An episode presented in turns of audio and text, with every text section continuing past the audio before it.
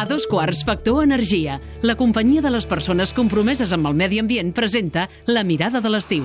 La punt diari de Joaquim Maria Puyal viatge a una illa de fora de la Mediterrània. Bon dia, audiència. Avui fixem la mirada en l'illa d'Irlanda. Situada a l'oest de la Gran Bretanya, és la tercera d'Europa en extensió, tres vegades Catalunya. Hi viuen 6 milions i mig de persones. Tot i el passat cèltic de l'illa, l'anglès ha anat substituint el gaèlic irlandès com a llengua de relació. Hi ha zones, però, on la llengua autòctona encara és prou viva.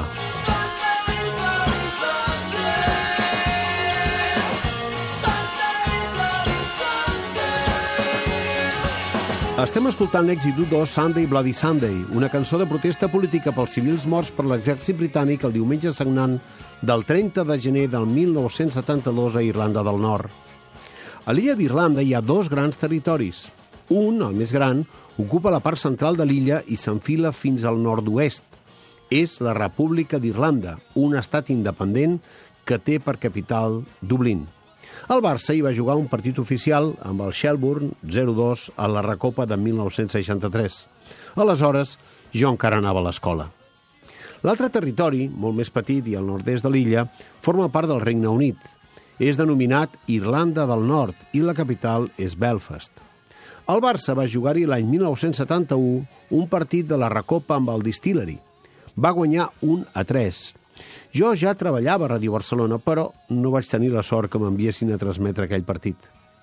Com que tenia moltes ganes d'anar a Irlanda i des d'aleshores el Barça no ha jugat mai més en aquella illa, fa alguns anys vaig aprofitar que havia de fer un viatge a Escòcia per volar a Belfast, que per cert té dos aeroports, i a un li han posat el nom de George Best, aquell extraordinari futbolista que als 20 i pocs anys va caure en una vida d'accessos que li va arruïnar la carrera esportiva i que ell va resumir en una de les seves frases cèlebres.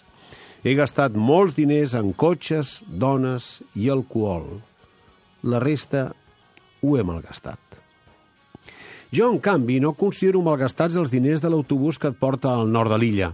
Una espectacular agrupació de milers de columnes basàltiques fruit d'una erupció volcànica que conformen un conjunt escultòric fascinant, fet per la naturalesa fa 60 milions d'anys. La relació entre el mar i la terra ofereix al visitant espais majestuosos, des de penyassegats de roca fosca encimballats de gespa verda, fins a petites cales rocoses amb pedres embocinades que menen la terra fins a lliurar-la dòcilment al mar. M'hi trobo bé contemplant-ho. I a més, m'agrada que el cel sigui gris i que el vent i la pluja fina m'obliguin a abrigar-me. El que és obligat a Belfast, és clar, és veure la ciutat trencada – Gairebé 100 murs separen els enclavaments catòlics de la zona protestant. Estic en una ciutat que és l'escenari d'una lluita civil que remunta al passat. I el pitjor no són les estructures de formigó o de maons o de ferros amb què s'han fet els murs.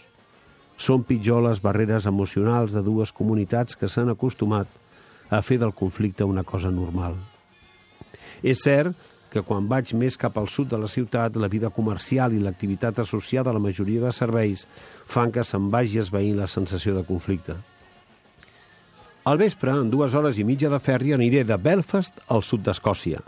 I allà, des d'una estació construïda damunt de la badia, agafaré un tren còmode, net i no gaire ràpid que em portarà d'Estanrae a Glasgow.